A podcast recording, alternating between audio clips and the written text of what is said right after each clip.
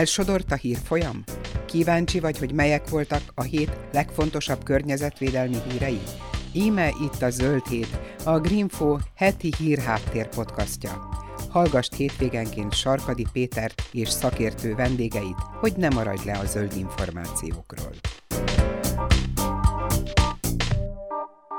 Üdvözlöm a hallgatókat a Greenfo hírháttér podcastjának hatodik részében, melynek témáit most is a vendégeim válogatták. A sajó szlovák részén már kipusztította az élővilágot a vörös szenny. A magyar államtitkár szerint megáll a határon a gyilkos ár. Az ipari tárcához kerül a környezetvédelem. Változtatta ez egyáltalán valamit a zöldügyeken? Lehet-e vegán sonkának nevezni egy szójaszeletet? Háború, globális élelmiszerhiány, migráció. A hüvelyesek jelenthetik a kitörést a globális élelmiszerválságból? Káros növényvédőszerekkel szennyezettek a magyar gyümölcsök. Az olajembargó vétójával Orbán szégyent hoz a magyarokra, és a klímavédelmet is veszélyezteti. Ezek a mai híreink, melyeket szakértő vendégeimmel járjuk körbe, Mai vendégeim Kis Szabó Eszter, a Felelős Gasztrohős Alapítvány kommunikációs vezetője, és Mező János Bálint, a Greenpeace Magyarország ügyvezető igazgatója. És akkor kezdjük mindjárt ezzel a sajóval kapcsolatos visszennyezéses hírrel. Már több mint három hónapja ömlik a Sajó folyót vörösre festő szennyvíz a szlovákiai alsó sajó Nizsnász Laná egykori vasércbányájából. A vízi életet több tíz kilométeren kipusztító szennyezés ellen eddig semmilyen kézzelfogható lépést nem tettek a hatóságok, miközben a minisztériumok egymásra mutogatnak. Magyarországon egyelőre nem okozott problémát a szennyezés, de csak időkérdése, hogy mikor ér ide. Az alsó sajói bánya már 14 éve nem üzemel, de a gondatlan rekultiváció miatt most problémát okoz. A vasoxiddal és más fémekkel telített szennyvíz a bánya egykori táróiban elhelyezett maradványkőzetből, illetve az otthagyott gépekből kioldódva szivárok bele a folyóba, majd heves reakció után megfesti a vizet. Gyakorlatilag rozsda lebeg a sajóban a befolyástól lefelé, úgy 30 kilométeren át. Eddig tehát a hír, Mező János, mint Greenpeace. Volt itt már, tegyük hozzá az előző zöld hírben Simon Gergő, a Greenpeace vegyi anyag szakértője is vendég, meg ő is nyilatkozott több más sajtótermékben is, hogy hát ilyen nincs, hogy csak úgy jön, és akkor abból mi nem fogunk semmit látni. Igen, ez egy tipikusan olyan ügy, amire azt szoktuk mondani, hogy a, a környezetszennyezés az nem ismeri az országhatárokat, és pontosan ezért kell a környezetvédelemben, természetvédelemben egy nagyon magas szintű nemzetközi kooperáció, egy magas szintű együttműködés. Egyébként ez a kulcsa a globális környezetvédelmi problémák megoldásának is. A sajó ügye egy kristálytiszta ügy. Az érthetetlen az az, hogy miért nem tesznek semmit 2008 óta. 2008-ban zárt be ott a vasércbánya és feldolgozó üzem, és a, a szennyezés pedig február óta folyamatos. Ugye itt elsősorban vasérc és különböző nehéz fémek szennyezéséről van szó. Egyébként mérnek nikkelt, arzént is az üledékekbe, egyik se túl jó hír. Rákkeltő vagy a különböző biológiai folyamatokat súlyosan veszélyeztető vagy károsító nehézfémekről, meg anyagokról van szó. És ahogy mondtad, Péter, nem áll meg a határon. Pont tegnap mértünk, jövő héten lesz eredmény, be fogunk számolni. Ugye azért mértünk most, mert hogy az tény, hogy amíg leér a magyar szakaszra az üledékek és a szennyezés általában eltelik egy kis idő, fontos, hogy ezt ne várjuk meg, sajnos most megvárták a hatóságok. Na de szóval számomra, mint átlag állampolgár számára ilyen totál értetetlen, hogy ez három hónapja zajlik, ez látványosan, mert hogy ilyen mustársárga, tömény mustársárga gyakorlatilag a szlovák részen a sajó. Erről hihetetlen mennyiségű fotó a Facebookon mindenhol ott van, tehát tagadni se lehet. Van egy új szócikk, amiben írnak egy segélykérő petíciót, és abban szerepel egy pár szám, hogy 4,2 tonna vas, 38 tonna szulfát, 1,7 tonna cink, fél tonna mangán, 5 kg arzén, ennyit tartalmaz az a másfél millió liter szennyezett víz, ami naponta, hangsúlyozom, naponta kerül be a sajóba. Szóval, hogy akkor mit csinált idáig elmúlt három hónapban, például a szlovák minisztérium, ahova a vízügy tartozik? súlyosan rákkeltő anyagokról is van szó itt, mint például az arzén. Igen, hát ez felháborító és érthetetlen. Ha jól értem, a szlovák helyzet az az, hogy a gazdasági minisztérium és a környezetvédelmi minisztérium vitatkozik arról, hogy ez kinek a feladata lenne.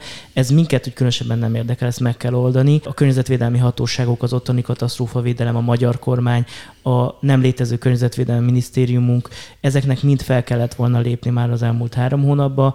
Pontosan ezért fontos a következő hír, hogy legyen környezetvédelmi minisztérium, hogy ne egy olyan minisztérium alá legyen berendelve, alárendelve, mint az ipari tárca, ahol hát teljesen ellentétes gazdasági érdekek vannak, sőt, a legerősebb ellentétek az ipari minisztérium és egy leendő környezetvédelmi minisztérium között lehetnek. Ez a kormányzat és a hatósági tehetetlenség, ez egy faktor. Azért kell beszélnem egy olyan faktorról, amiért Greenpeace régiósan is és itthon is küzd, ez pedig a rossz törvényi szabályozás. Már mi is beszélgettünk többször különböző platformokon a, szennyező fizet elv törvényjavaslat vagy javaslatcsomagról, amit a Zöld Ombudsmani Hivatal és a Greenpeace dolgozott ki, és próbálja elérni, hogy a parlament elfogadja. Nagyon egyszerű a helyzet, nem fogom mindegyik elemét elsorolni. A különböző gazdasági társaságokat, cégeket, az összes olyan szereplőt, aki komoly potenciális környezetszennyező, pénzügyileg, gazdaságilag érdekelté kell tenni, hogy ne szennyezzen. Például olyan pénzügyi garancia alapot kell létrehozni, ami a mostani ami nevetséges. Tehát általában van mondjuk egy komoly 100 milliós vagy több milliárdos szennyezés, és 500 ezer forintos bírságokról beszélünk a mostani törvény, törvény és ugyanaz helyzet Szlovákiában. Tehát, hogyha megváltoztatjuk a törvényt, bevonjuk az ügyészségeket, bíróságokat, környezetvédelmi hatóságokat, egy sokkal, sokkal hatékonyabban föl lehetne lépni ezek ellen a szennyezések ellen, még mielőtt megvalósulnak. Ugye Szlovákiában van egy dedikált környezetvédelmi minisztérium, Magyarországon eddig sem volt, és ebben az új pár nappal ezelőtt felállt ötödik Orbán kormányban sincs, mert hogy ugye az ipari tárcához került a környezetvédelem, ez a hírnek a címe. A kormányalakítás, átalakítás egyik érdekes fejleményeként új minisztérium alá rendelik a környezetvédelmet, aminek így továbbra se lesz önálló minisztériuma. Az Orbán rendszerben a területért eddig az Agrárminisztérium volt a felelős, ám az új kormányban a Technológiai és Ipari Minisztériumhoz került. Nagy István agrárminiszter szerint ez remek hír, mert így olyan intézményhez kerül a kérdés, amit a legközvetlenebbül érint. Már amennyiben a környezetvédelmi szempontok leginkább az ipart korlátozzák. Így hát mi sem természetesebb annál, hogy az ipari minisztériumra bízzák a felügyeletét. Az Agrárminisztériumban önálló természetvédelmi államtitkárságot hoznak létre. A rendszerbe kódolva vannak az ütközések. Szóval itt vagyunk, hogy ugye az oktatásügynek, az egészségügynek és a környezetvédelemnek nincsen dedikált minisztériuma, akkor ezek szerint semmi nem fog változni. Sőt, miután az ipari minisztériumhoz tartozik a környezetvédelem, a természetvédelem ugye marad az agrártárcánál, tehát borítékolható, hogy itt ez konfliktus forrás lesz. Ami már csak azért is érthetetlen, mert az ökológiai klímaválsággal a szárazodás, biodiverzitás, biológiai sokszínűség csökkenés, mezőgazdasági rendszereinkkel kapcsolatos jelentős problémák, vegyi anyagokkal kapcsolatos problémák csak sokszorozódni fognak. És egy ilyen helyzetben minimum kell egy környezetvédelemmel, klímavédelemmel, természetvédelemmel foglalkozó minisztérium, aki a kormányban megfelelő apparátussal, megfelelő szakértelemmel. És megfelelő súlyjal. És megfelelő súlyjal rendelkezik, és ellen tud tartani azoknak a gazdasági, rövidtávú politikai érdekeknek, amik a politika sajátja, a gazdasági rendszer sajátja. A környezetvédelemnek kell behozni azt a közép-hosszú távú gondolkodást és víziót és hatósági ellenőrzési folyamatokat, és sokszor egyébként a bölcsességet, ami a, a jövőnk fenntarthatósága szempontjából nagyon fontos. Hát ugye a Greenpeace az egy sokszor harcos, meg látványos demonstrációkkal is operáló civil szervezet. Hát a gasztrohősök felelősök a zöld gasztronómiáért, de hát ők azért, hogy mondjam, lágyabb eszközökkel dolgoznak, de nyilván ebbe ti is egyetértetek. Abszolút egyetértünk, és hát azért érezzük ennek mi is a hatását. Ha szervezetként pici szervezetként ránk nézve nem is, bár érintetten azért mondjuk egy-egy például pályázat elbírálásánál érezhető, hogy azért alapvetően a környezetvédelem nem egy ilyen nagyon fontos ügy jelenleg, de hogy a közélet nyilván minket is érdekel, érint, ha nem is szervezetként, persze szervezetként is, de magánszemélyekként is, és hát kapkodjuk mi is a fejünket, hogy így mi, mi történik. Hát egyébként csak egy mondat erejéig a Greenpeace-re visszatérve, szóval nekem valahol az is furcsa, nem csak ebben a sajó ügyben, hanem millió egy más ügyben, mert hogy ugye emlékezzünk vissza, 2000-ben volt az az ominózus tiszai cianit szennyezés, ami az ilyen nagyságrendel nagyobb volt, illetve hát még nem látjuk azt, hogy a sajó hozzánk is elérő szennyezés az, az milyen lesz, mekkora lesz, de hogy miért egy civil szervezetnek kell mérnie, és felhívnia a figyelmet arra, hogy hát emberek, hát egy óriási havária van, ez miért nem az állam feladata? És itt ez most nem csak a magyar, hanem éppen a szlovák, meg amúgy, meg a román, meg egyéb. Költői kérdés volt, teljesen egyetértek veled. Nekünk egy olyan controlling szerepet kellene betöltenünk, ahol az állam, katasztrófavédelem, környezetvédelmi, természetvédelmi hatóságok azonnal lépnek. Ez azt jelenti, hogy 24-48 órán belül, hiszen nekik kellene erre apparátusuk lennie. Bár a Greenpeace egy globális környezetvédő szervezet, az egyik legnagyobb, az egyik legrégibb, azért nem összemérhetőek a kapacitásaink, erőforrásaink. Egy 20 fő civil szervezet és mondjuk egy 2000 fős kollektívával, szakértői bázissal és infrastruktúrával rendelkező hatósági bázis. Egy elképzelt környezet- és természetvédelmi minisztérium és hatósági rendszer 2010 előtt volt ilyen, azóta ennek a töredéke sincs meg, mondjuk, és gyakorlatilag a kormányhivatali rendszerbe beépítették a, a, a maradék szakértőket, hatósági embereket is. Tehát egy független, erős, szakértői bázis, hatósági rendszer kell, és a Greenpeace nagyon szívesen csinál kontrollméréseket, hogyha a gazdasági érdek miatt a kormány el akar tussolni olyan ügyeket, akkor nagyon szívesen lépünk. Jelenleg nem ez a helyzet. Péter, az a helyzet, hogy minden nap kapunk megkeresést, minden hónapban több nagyon komoly megkeresést, ahol kétségbe esett helyi civilek különböző nyomásgyakorlási eszközzel megpróbálnak ránk nyomást gyakorolni, hogy mérjünk, legyünk, ott, stb. Nekünk nyolc országra van egy vegyi anyagszakértőnk. Tehát, hogy nyilván amit lehet, megteszünk, de azért ezt az űrt ezt nem tudjuk betölteni. Azért, hogyha az elmúlt, főleg az elmúlt 12 évet nézzük, de nézhetünk azért messzebbre is vissza, egyre inkább gyengül a civil kontroll, egyre nehezebb jog területén érvényt szerezni az egészséges környezethez való jognak, ami pedig benne van az 11-szer, 10-szer módosított gránit alaptörvénybe. Most jöjjön az esztinek a híre, aminek az a címe, a Telex híre egyébként, hogy lehet-e vegán sonkának nevezni egy szójaszeletet? perbe kezdett a Pest megyei kormányhivatal egy budapesti kisvállalkozás ellen, amiért a cég vegán sonka néven árulja a húsra hasonlító ízvilágú és állagú szójaszeletét. A kormányhivatal arra hivatkozik, hogy az élelmiszerkönyv szerint a sonka csak húsból készülhet. A növényi alapanyagokkal dolgozó élelmiszergyártó viszont egy 2021-es uniós döntésre hivatkozik, amely kimondta, hogy nem lehet megtiltani a növényi ételek húsként való elnevezését. Illetékesség hiányában egyelőre nem hozott döntést a Budapest környéki törvényszék közigazgatási kollégiuma. A cég szerint, amely két éve kezdett el növényi alapú húsokra hasonlító ételeket gyártani, a változó étkezési szokásokhoz és társadalmi normákhoz kell és lehet illeszteni az ételek elnevezését is. A cég budapesti vegán éttermében menü a töltött káposzta, a hortobágyi húsos palacsinta és a mócsing nélküli babgulyás. Eddig a hír.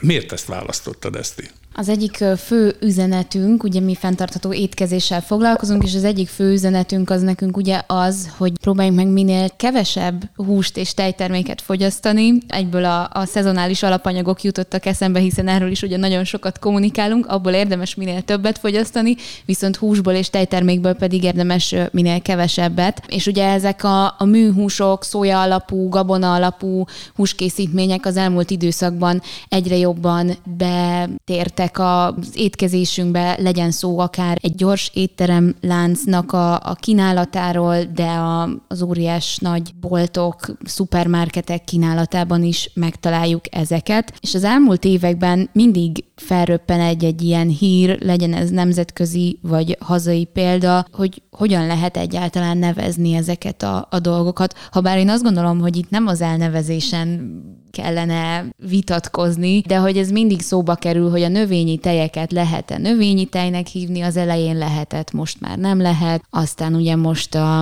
az ilyen húspótló termékeknél merül fel ugyanez a kérdés, hogy minek lehetne őket hívni. Holott én azt gondolom, hogy ezek az elnevezések, ezek segíthetnek abban, hogy olyanok is mondjuk hozzájuk nyúljanak, akik egyébként nem tennék, mert megrögzött húsevők. Nem hiszem, hogy meg fogja őket téveszteni az, hogy benne van a sonka elnevezés a terméknek a nevében, viszont lehet, hogy inkább meggyőző lesz, vagy egy kicsit ilyen tud mivel azonosulni. Személy szerint őszintén szóval engem abszolút nem érdekel, hogy mit hogy hívnak, mert úgyis megnézem, amikor veszem, és akkor látom, hogy az beleolvasok, hogy húsból van, vagy nem, és akkor eldöntöm, én speciál húsevő vagyok. Tudom, hogy ez nem túl zöld, de már dolgozunk az ügyön, hogy hetente ezt a bizonyos legalább egy húsmentes napot azért betartsuk. János, te?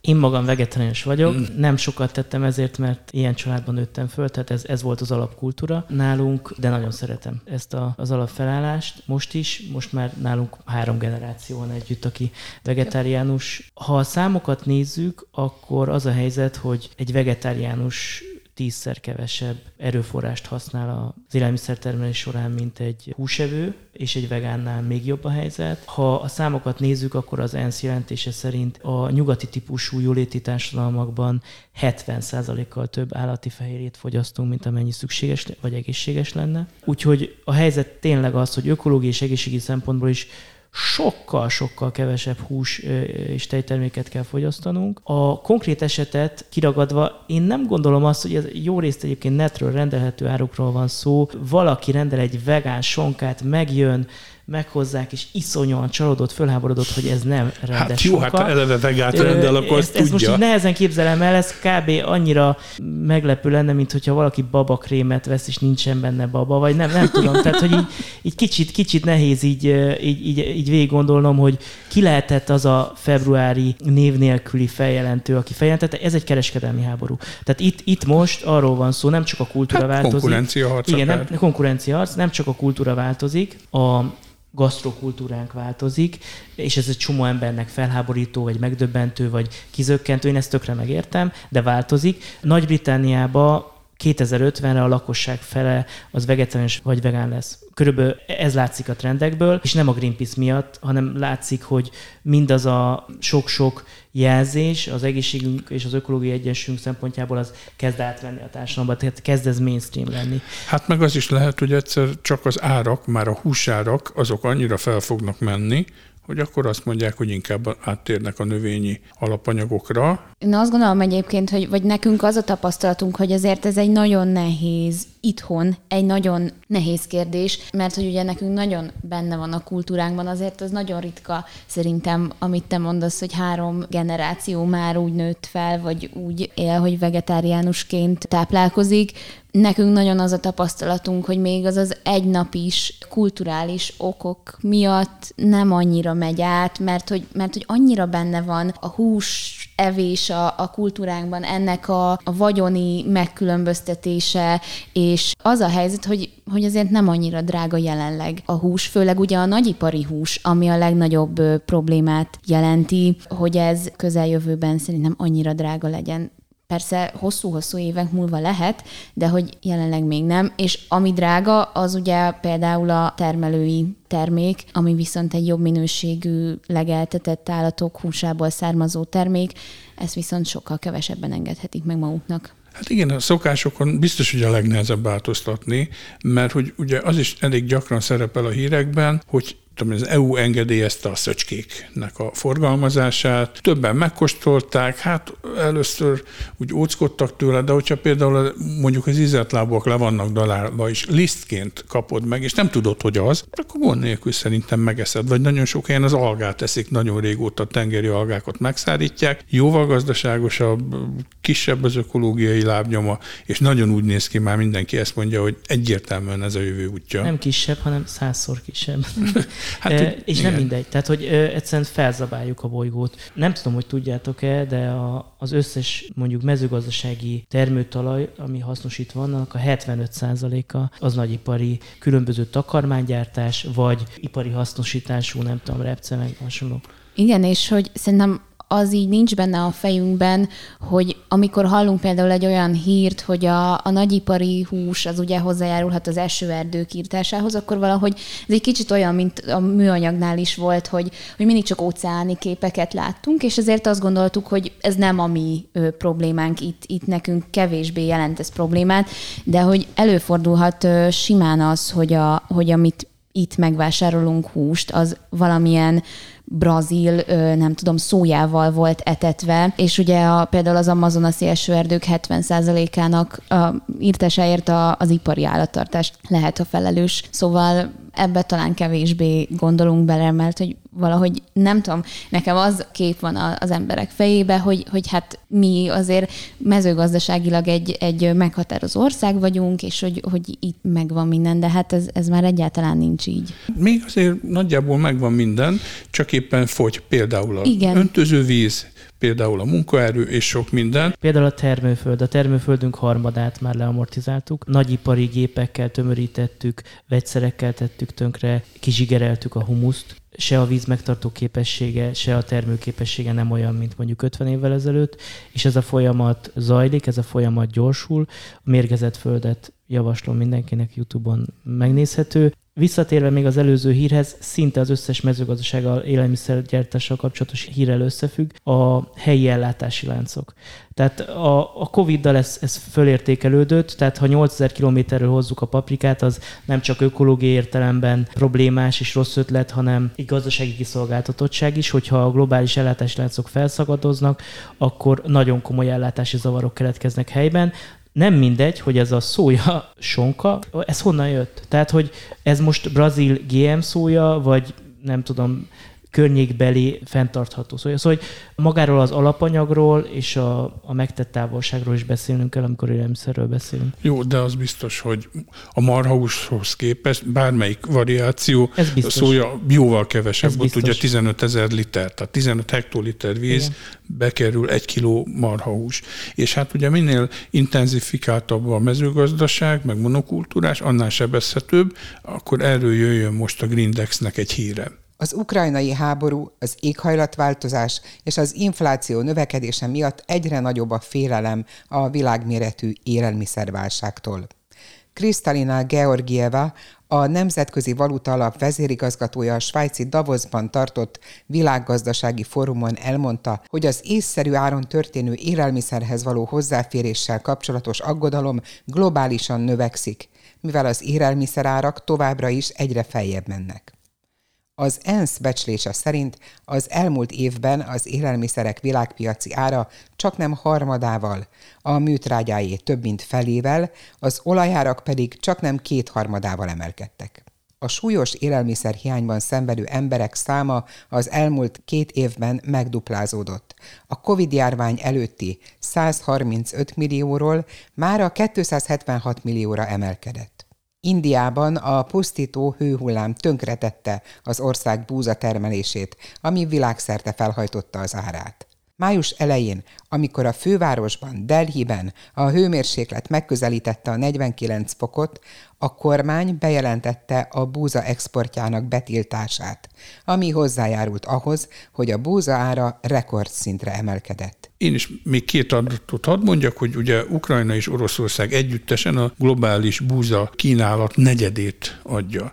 És ugye Indiáról is hallottunk, hogy a nagy szárasság miatt exporttilalmat rendeltek el, totálisan megváltozik az egész gabonaellátási rendszer, és hát akkor megint csak visszajutunk talán oda, hogy egy csomó szegény országba nem a gazdag országokat kiszolgáló luxus élelmiszereket kéne termeszteni, hanem az alapvető élelmiszereket. Nálunk is Körülbelül hozható ez az arány, amit, amit mondtam. Globálisan azt hiszem ez 75 körül van. Tehát a termőföldjeink nagy részét nagyipari állattartáshoz szükséges takarmány előállítására használjuk, és különböző energetikai célokra. Ezt az arányt meg kell fordítani, meg kell változtatni, tehát itt van egy kicsit jobbak az arányok, de csak 5-10 kal ha jól tudom, és nem azt a 4-5 monokulturális növényt kell termeszteni, hanem azt az 1000-1500 tájfajtát, sokkal diverzebb módon úgy, hogy 10%-át visszaadjuk a természetnek. Ha és amennyiben visszaadjuk a mezőgazdasági területek 10%-át a természetnek, akkor nem az a trend folytatódik, ami most folytatódik, hogy a rovarok 75%-a kihal. Ez a mi generációnkban, mi életünkben történt az elmúlt 30 évben.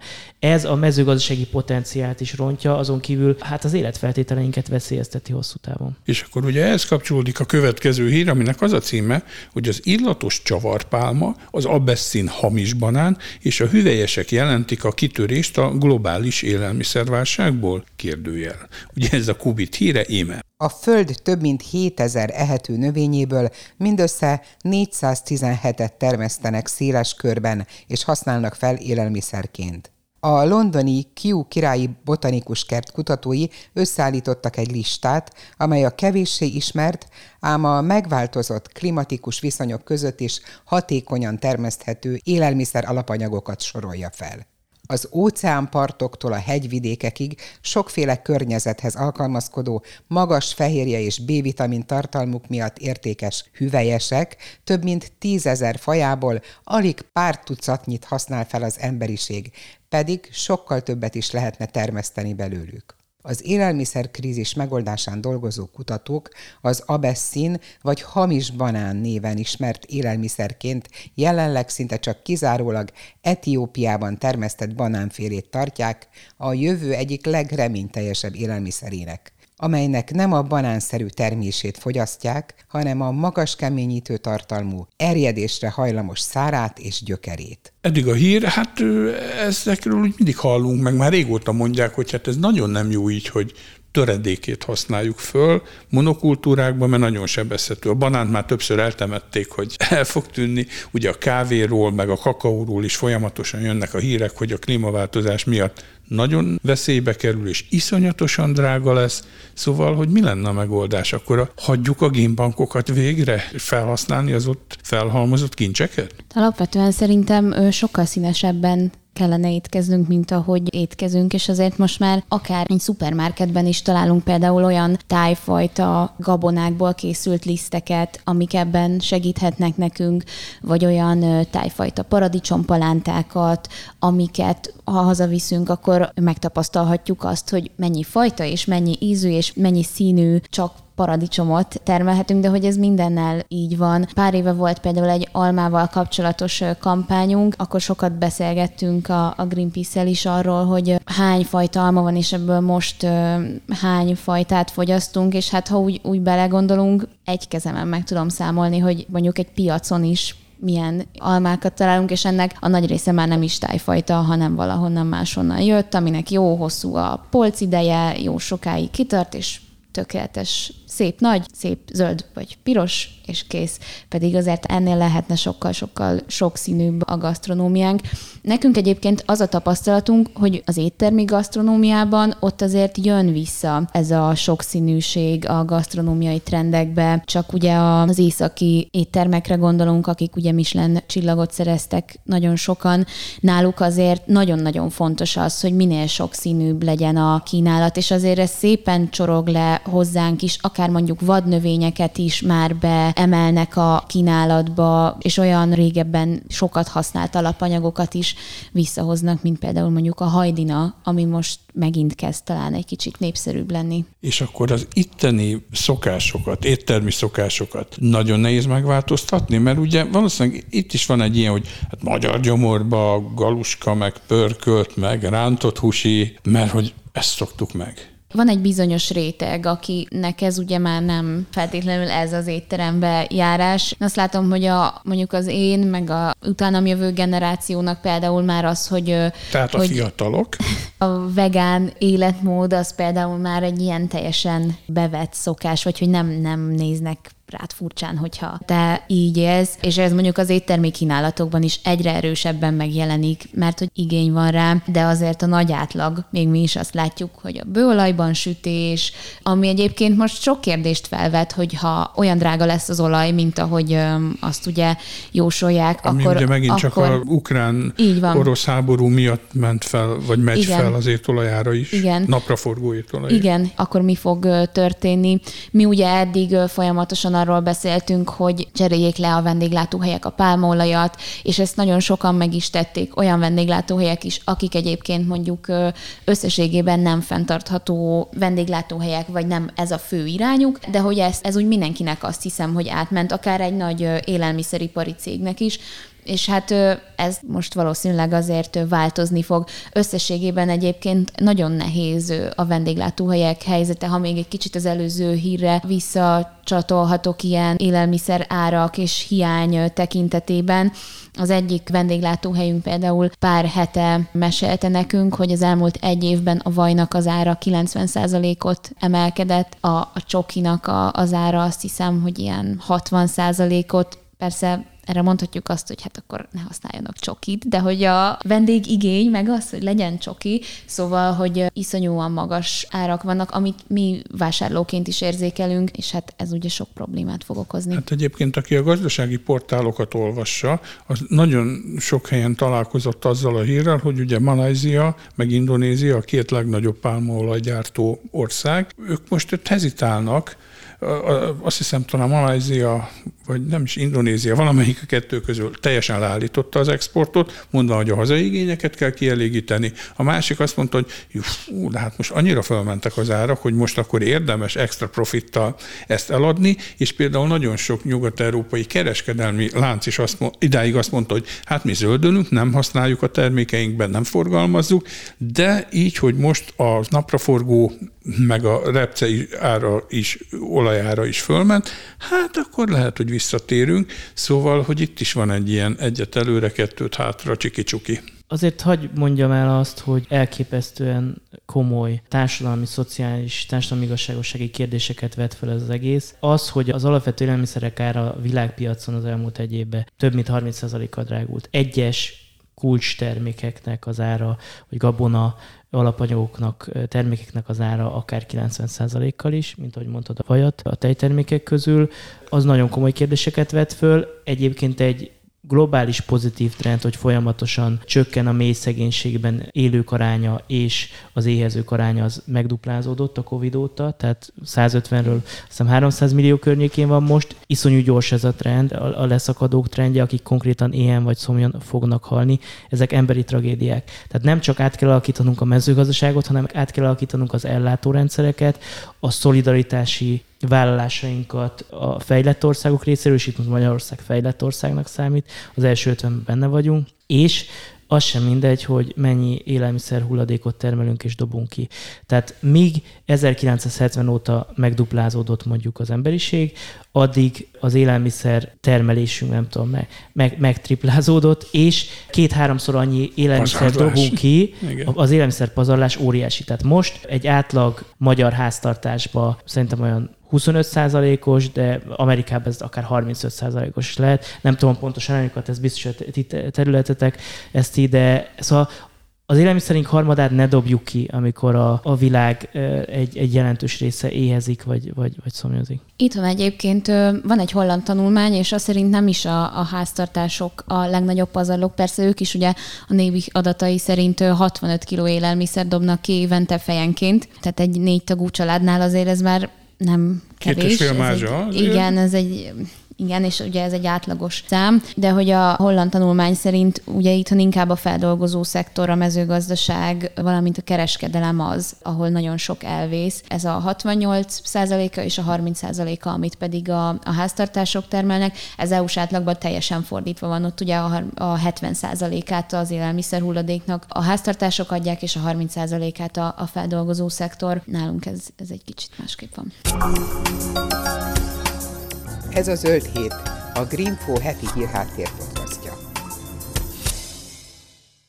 Míg erre a hírre hagy reagáljak, nem az a fontos kérdés itt Magyarországon, hogy a banánt hogy fogjuk pótolni, mert erről szól a hír. Ez elhiszem, hogy egy csomó más országban fontos lenne. Szerintem nem ez a legfontosabb kérdés, bár hogyha hihetünk Borhidi prof és több botanikus, klimakutató kutatásainak 20-30 év múlva lehetséges, hogy ez egy fontos hír lesz, mert az ország kétharmada elsivatagosodik mondjuk, és ezt tényleg nem viccből mondom, ez egy nagyon komoly kockázat, ha nem teszünk semmit. Azt gondolom, hogy igaz, amit mondtál, Péter, tehát itt a magyar tájfajtákat meg kell nézni, amiről beszéltesz, meg kell nézni, hogy a génbankokban az a több ezer tájfajta gyümölcsfajtákról beszélünk, mondjuk tágtűrésű, szukulens, tehát olyan, amelyik jóval szárazságtűrőbb, amik hordozza azt a genetikai bölcsességet, amit mondjuk a négy-öt nagy ipari termelésben résztvevő növény már nem, és sokkal könnyebben alkalmazkodik majd azokhoz a körülményekhez, amihez alkalmazkodni kell. Hát csak zárójelbe, érdem van egy gyümölcsfa génbank, azt hiszem, a fölött is ugye a Demoklész kardja ott lebeg.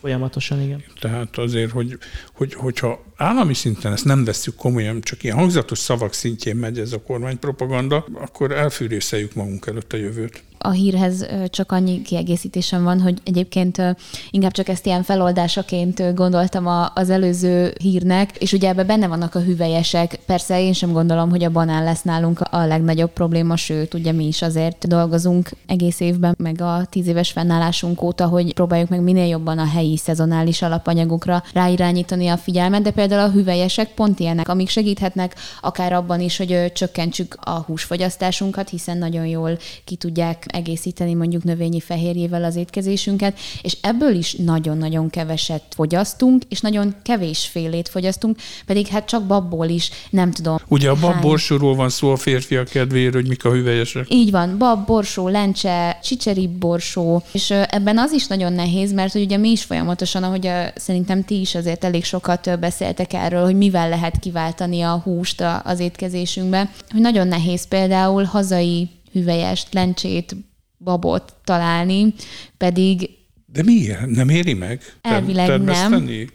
És nem, nem termesztik itthon, vagy ha igen, akkor azt kimegy, eladják külföldre, és, és ide pedig a kanadai lencse jön meg. Hogyha bemész egy szupermarketbe, és leveszel a polcról egy, egy sima barna lencsét, a szilveszteri lencsét, akkor az valószínűleg kanadai lesz. Vagy afrikai északi részéről Pedig azért az egy alapvetés kéne, hogy legyen. Nagyon nagy kutatási munkák árán lehet találni hazai hüvelyeseket. Talán még bab az, ami mondjuk megtalálható a, a piacon, a sima tarkabab, de hát babból is sokkal-sokkal többféle van. És itt jön be az állam meg az EU felelősség, hogy a helyi ellátási láncokat, helyi termelést kell egyszerűen támogatni, és olyan, nem tudom, szabályzási rendszert kell létrehozni, mi hát szerintem 30-40 éve küzdünk ezért, ami megbünteti az ökológiailag rossz gyakorlatokat. Ha helyben termelhető paprika, akkor azt mondjuk ne Dél-Spanyolországból hozzuk, vagy jóval messzebb. És biztos, hogy finom az argentin cseresznye, bár tudjuk, hogy most a magyar cseresznye például bajok vannak, de próbáljunk vegyszermentesen, vagy legalábbis minimális vegyszerrel termelt magyar cseresznyét venni. Hát egyébként zárójelben egy korábbi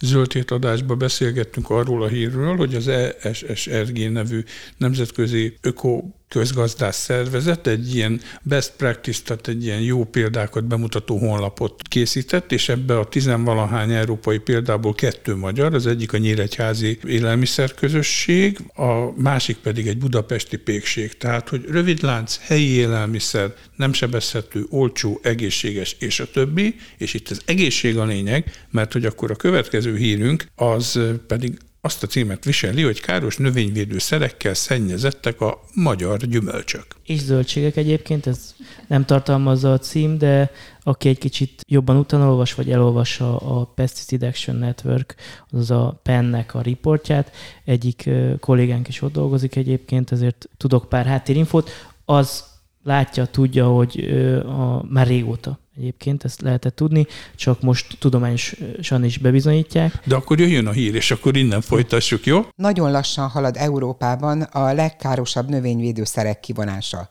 Bár az EU 2009-ben hozott rendelete szerint 2011 óta fokozatosan ki kéne vonni a forgalomból a legkárosabb, a hivatalos besorolás szerint helyettesítésre kijelölt hatóanyagot, A valóságban nem, hogy eltűntek volna ezek a szerek, hanem drámaian megnőtt a lakosság számára forgalmazott olyan gyümölcsök mennyisége, amelyeken kimutathatók ezek a veszélyes anyagok, derült ki az Európai Növényvédőszer Akció Hálózat legfrissebb tanulmányából. Nem meglepő módon a magyar gyümölcsök különösen szennyezettek.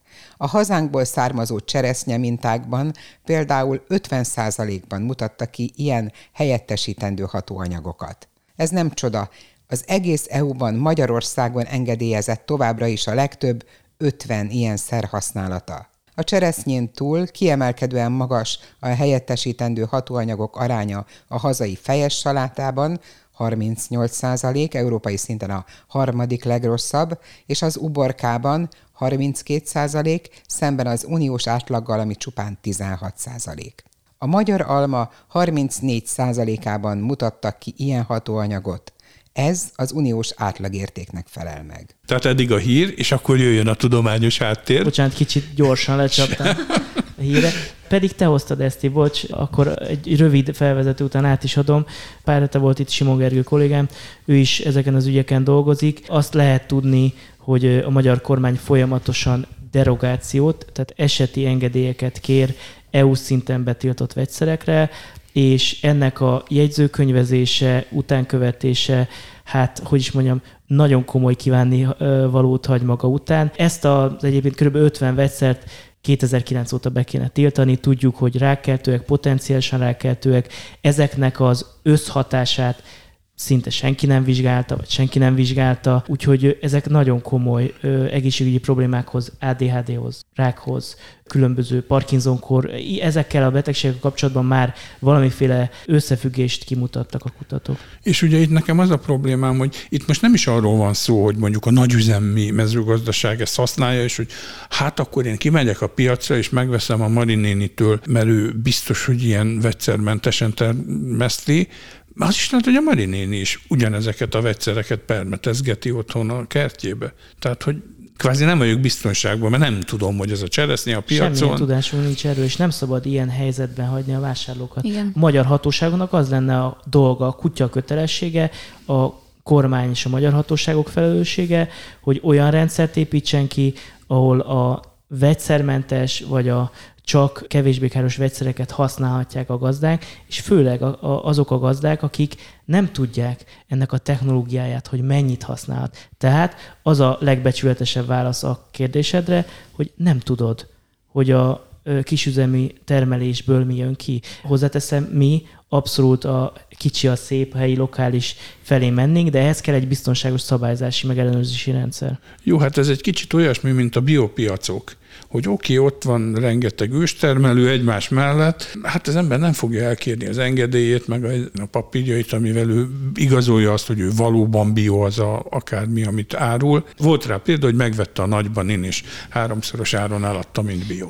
Ezeket hál' Istennek Igen. a biopiacokról nagyon gyorsan kiszorják. Tehát pont a bio az, amelyik teljesen biztonságos és kontrollált, biztos, hogy lehetnek itt is ügyek, de ezt, ezt talán nálam sokkal részletesebben el tudod mondani. Az, hogy van egy biokontroll KHT, vannak részletes mérések, az, hogy egy biotermelésbe csak úgy mehetsz be, növénytermesztésről van szó mondjuk, hogy három év átmenettel, tehát hogy, hogy kipörgetve azokat a vegyszereket, visszaadva a talajnak azt a termőképességét, amihez szükséges, mert ugye nekünk erre is vannak kutatásaink, tehát nem csak arról van szó, hogy borzasztó egészségtelen a nagyon vegyszeres élelmiszert megenni, hanem arról is van szó, hogy a nagyipari, tehát a tönkretett talajjal, vegyszerrel dúsított élelmiszer különböző ásványanyag, vitamin tartalma 70-90%-kal is csökkent az elmúlt 30 évben. Tehát, hogy a bio az nem csak etet, hanem táplál is. Hát igen, mert sokkal több almát kell megennem, mondjuk, hogy ugyanannyi vitaminhoz jussak, mint mondjuk 50 évvel ezelőtt, és akkor már jóval kövérebb leszek, mert többet tettem fizikailag. Igen, egyébként én azért hoztam ezt a hírt, mert pont a múlt héten beszélgettünk a nővéremmel, akinek van két kisgyereke, és epret szeretett volna nekik vásárolni, és akkor elkezdett utána nézni, hogy akkor, akkor mi a helyzet az eperrel, mikortól lehet ugye adni, ilyenkor felmerülnek ilyen kérdések is, de hogy, hogy talált egy csomó infót arról, és ugye amerikai kutatások van, ugye ez a Piszkos 12 lista, amit egy amerikai környezetvédő szervezet minden évben publikál, és annak több éve az eper van a van az elején, és a tesóm is megtalálta ezt, hogy, hogy akkor hát mi a helyzet az eperrel, ugye mennyi vegyszermaradvány van benne, és akkor erre jött ez a hír, és ugye most, most jön a gyümölcsöknek a, a dömpingje, a szezonja, és ugye mi is folyamatosan azt kommunikáljuk, hogy termelőtől vásárolj, mert nyilván ez egy környezettudatosabb módja, piacon vásárolj, de hogy, hogy nagyon nehéz ebben a helyzetben olyat mondani, és igen, én is azt gondolom, hogy itt ebben nem nekünk civil szervezetként kellene úgymond segítséget adnunk a vásárlóknak, hiszen nem tudunk elmenni minden termelőhöz, és megnézni, hogy ő mivel permetezett, bekérni a permetezési naplóját, főleg, hogy mondjuk mi, akik öten vagyunk az alapítványban, nekünk nincs is mondjuk olyan vegyész munkatársunk, önkéntesünk, aki ezt meg tudná mondani. Ha rossz májú lennék, akkor azt mondanám, hogy ezt megoldja a piac, mert már olyan árak vannak, hogy nagyon sokan már nem tudják megfizetni a zöldséggyümölcsöket, és emiatt aztán jóval kevesebbet fogyasztanak, amiben kevesebb a méreg.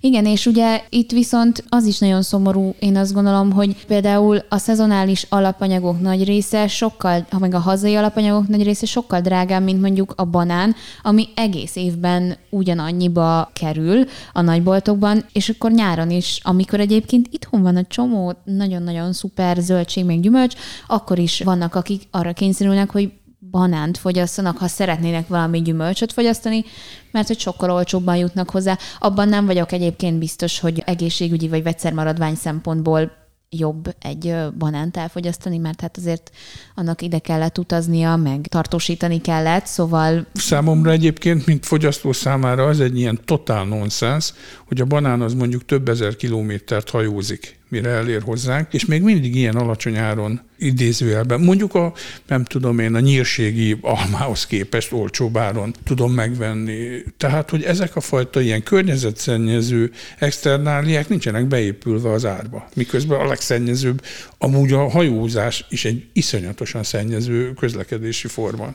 Igen, és itt ugye bejön a társadalmi része is a, a dolognak, hogy nagyon olcsó, és abból a nagyon olcsóból csak egy ilyen icipici egy százaléknyi pénzt lát viszont az, aki viszont leszette azt a banánt. Tehát, hogy ez is szerintem egy ilyen teljesen meglepő hát dolog. Kvázi rabszolgamunkások, Igen akik mellesleg a legtöbb mérget veszik fel a szervezetükbe. Talán tavaly volt egy nagyon durva riport a tudatosvásárlók.hu oldalán olvastam, hogy hogyan mérgezik meg magukat ezek a szerencsétlen rabszolgák gyakorlatilag ott Közép-Amerikába, mert permetezik azt is, mint a szélvész az ültetvényeket, ahogy egyébként és ez számomra nagyon megdöbbentő volt, hogy azok a gyönyörű szép zöld osztrák és észak-olasz almák, hogy azokat 30-szor permetezik egy szezonban.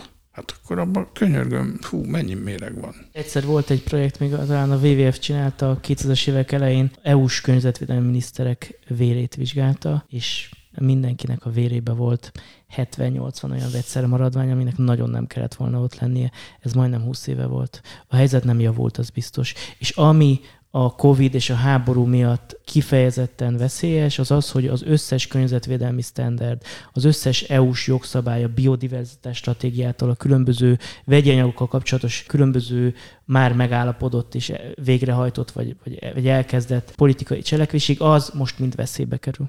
Igen, ugye erről is szólt valamelyik korábbi zöldhét adásunk, hogy ezek az ökológiai célterületek, amiket direkt azért hagytunk meg, hogy ott még ilyen olházis gyanánt a, a rovar világ elsősorban túlélje a nagyüzemi mezőgazdaságot.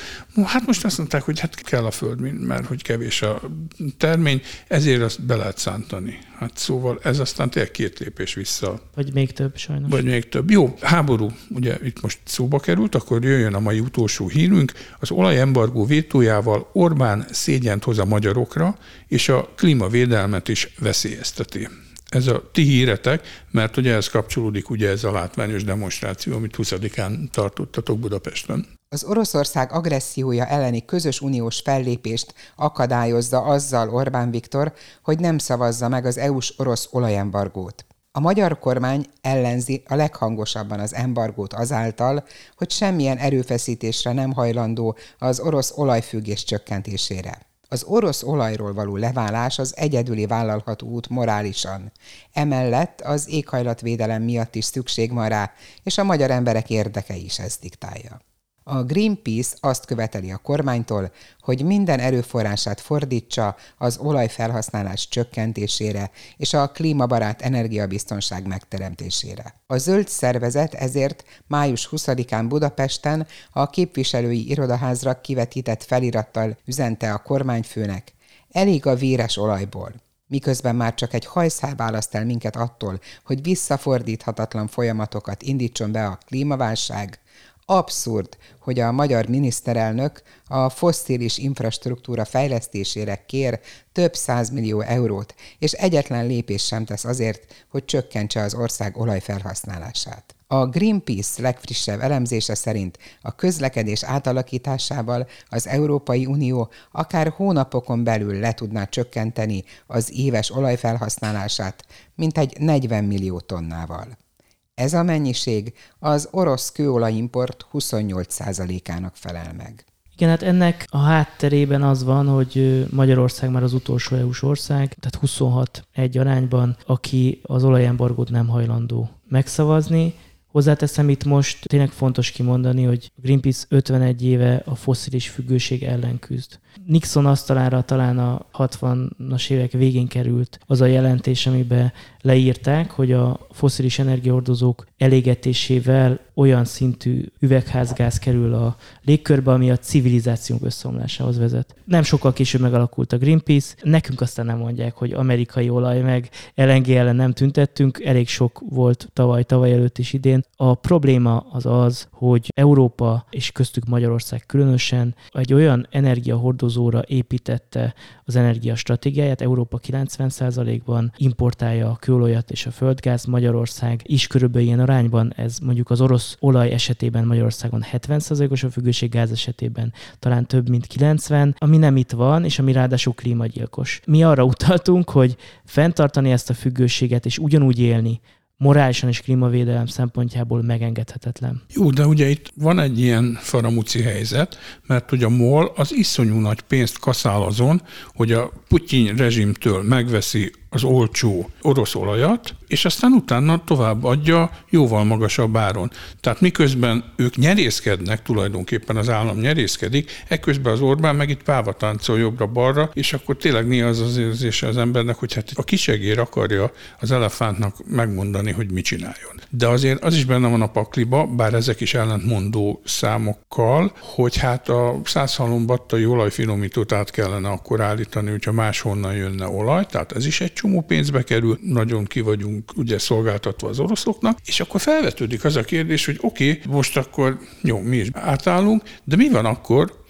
tegyük fel, hogyha a Putyin rezsim az mondjuk fél év múlva megbukik, mert az öreg diktátor meghal, vagy megbuktatják, vagy bármi történik, lesz egy demokratikusabb Oroszország, amire hát azért túl sok esély nincs, de ez is benne lehet potenciálisan a pakliban, és akkor utána megint vissza kéne állni, mert hogy akkor valóban jó baráti kapcsolat alakulnának ki, és akkor újra jönne az olaj. Ettől persze még a fosszilis függésünk nem változna, de hogy, hogy lehet, hogy, hogy akkor meg sokan azt mondanák, hogy ó, hát ennek az Orbánnak milyen igaza volt. Radikális életmódváltásra van szükség, és radikálisan át kell alakítani az energiarendszerünket. Tehát a számításaink szerint nem évek, hanem hónapok alatt 28%-kal lejjebb tudjuk vinni az orosz olaj függőségét, csak azzal, hogy a közlekedést átalakítjuk. Csak mondok pár javaslatot, jó? Európán belül betiltjuk a rövid távú repülőutakat, amik kiválthatók vonattal. A teherautó forgalom nagy részét, ami átterelhető vonatra áttereljük.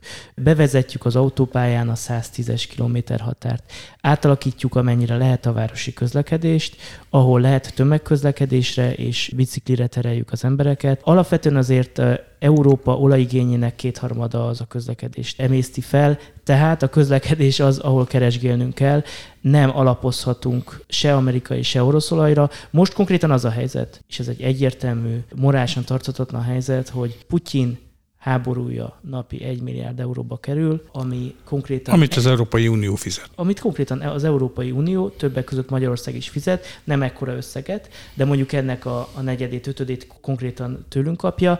Ez tarthatatlan. És ugyanúgy élünk, mint három hónapja. Nincsenek energiatakarékossági, közlekedés átalakítási projektek, egyébként se itt, se máshol Európában. Ez nagyon fáj. Igen, ez nem kényelmes De ezeket vagy most lépjük meg, vagy később, de később sokkal fájdalmasabb lesz, és nem lehet ártatlan emberek vérével takarózni, amikor a saját kényelmünkről van szó, meg kell ezeket lépni. Hát itt is ott vagyunk, mint az élelmiszer fogyasztás, vagy az ízlésünk, hogy nagyon nehéz az emberek gondolkodás módját átalakítani, főleg úgy, hogy csinálunk ilyen látszat patomkin lépéseket, mint hogy ugye befagyasztjuk a benzinárát, ezért aztán megnövekszik a kereslet gyakorlatilag. Németországban egyébként, és akkor ez csak egy nagyon rövid hír legyen, hogy ami nekem nagyon tetszett, szintén egy heti hír, bevezették június 1-től a 9 eurós tömegközlekedési bérletet, ami egész Németországra vonatkozik, és 9 euróért bármilyen tömegközlekedési eszközt, talán az IC-ket leszámítva, de, de bármelyik városban, bárhol busz, villamos, vonat, stb. 9 euró egy hónapba ami fillér. Tehát nevetséges, mert azt hiszem csak Kölnbe egy városi bérlet van, ami 70 euró.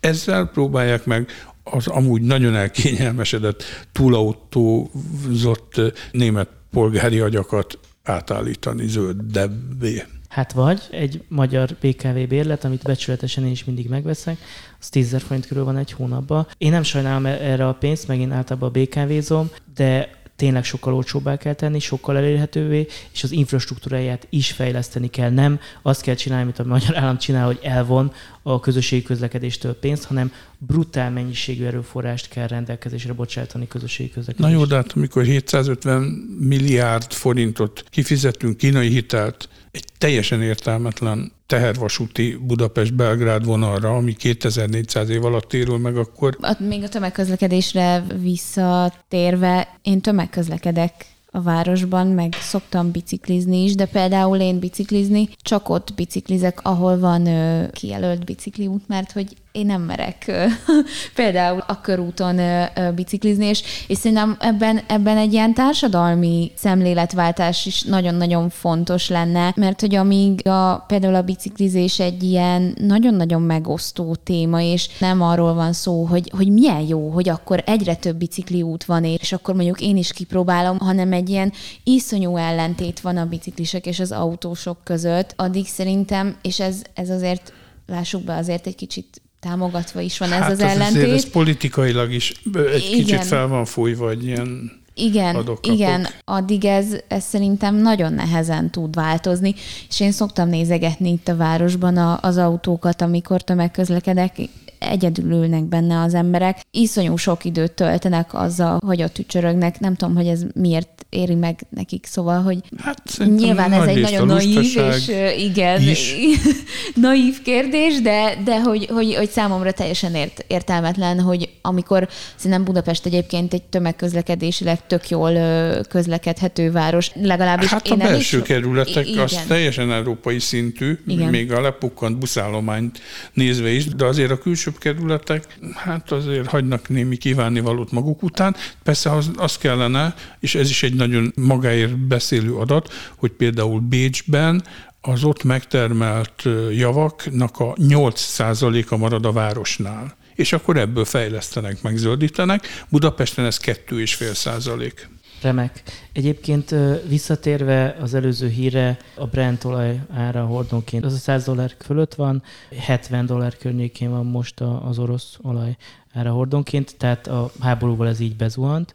Vannak más országok vezetői érdekes módon azt gondolják, hogy nem kéne ezt a háborút finanszírozni.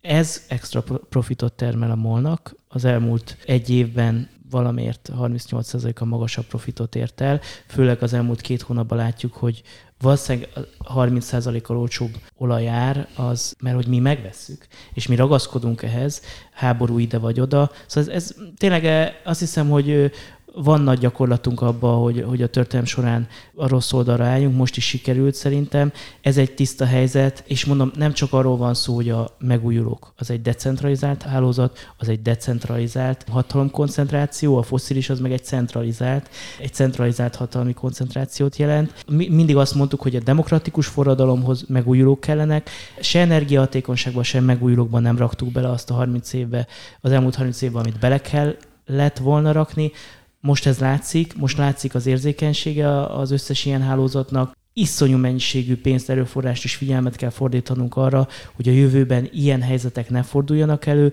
és inkább összekötöttség kell a különböző országokkal energiahálózatba is, talán egy kicsit kevesebbet fogunk háborúzni. Köszönöm szépen, hát eddig tartott akkor a mai zöld hét. Vendégem volt Kis Szabó Eszter, a felelős Gasztrohős Alapítvány kommunikációs vezetője, és Mező János Bálint, a Greenpeace Magyarország ügyvezető igazgatója. Munkatársam Bencsik Márta nevében is köszönöm a figyelmüket, Sarkadi Pétert hallották. Ez volt a Zöld Hét, a Greenfo heti hírháttér podcastja melyel péntekenként jelentkezünk. Kísért figyelemmel a Greenfo folyamatosan frissülő híreit, sajtófigyelő rovatát, podcast aloldalát, és érdemes feliratkozni Facebook oldalunkra, Spotify, Anchor vagy SoundCloud csatornáinkra.